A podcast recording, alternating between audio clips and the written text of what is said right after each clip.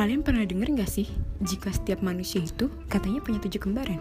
Nggak tahu bener atau enggak ya, tapi mitos itu banyak banget gue denger waktu kecil. But, anak kembar tuh emang unik. Secara muka mereka mirip, bahkan seluruh yang ada di tubuh mereka itu sama.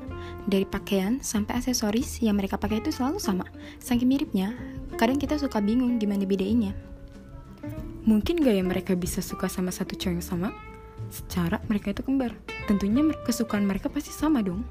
Nah guys, di podcast ini, setiap minggunya kita bakal kasih kalian cerita-cerita menarik tentang anak kembar dan tentunya bintang tamu yang tak kalah menarik.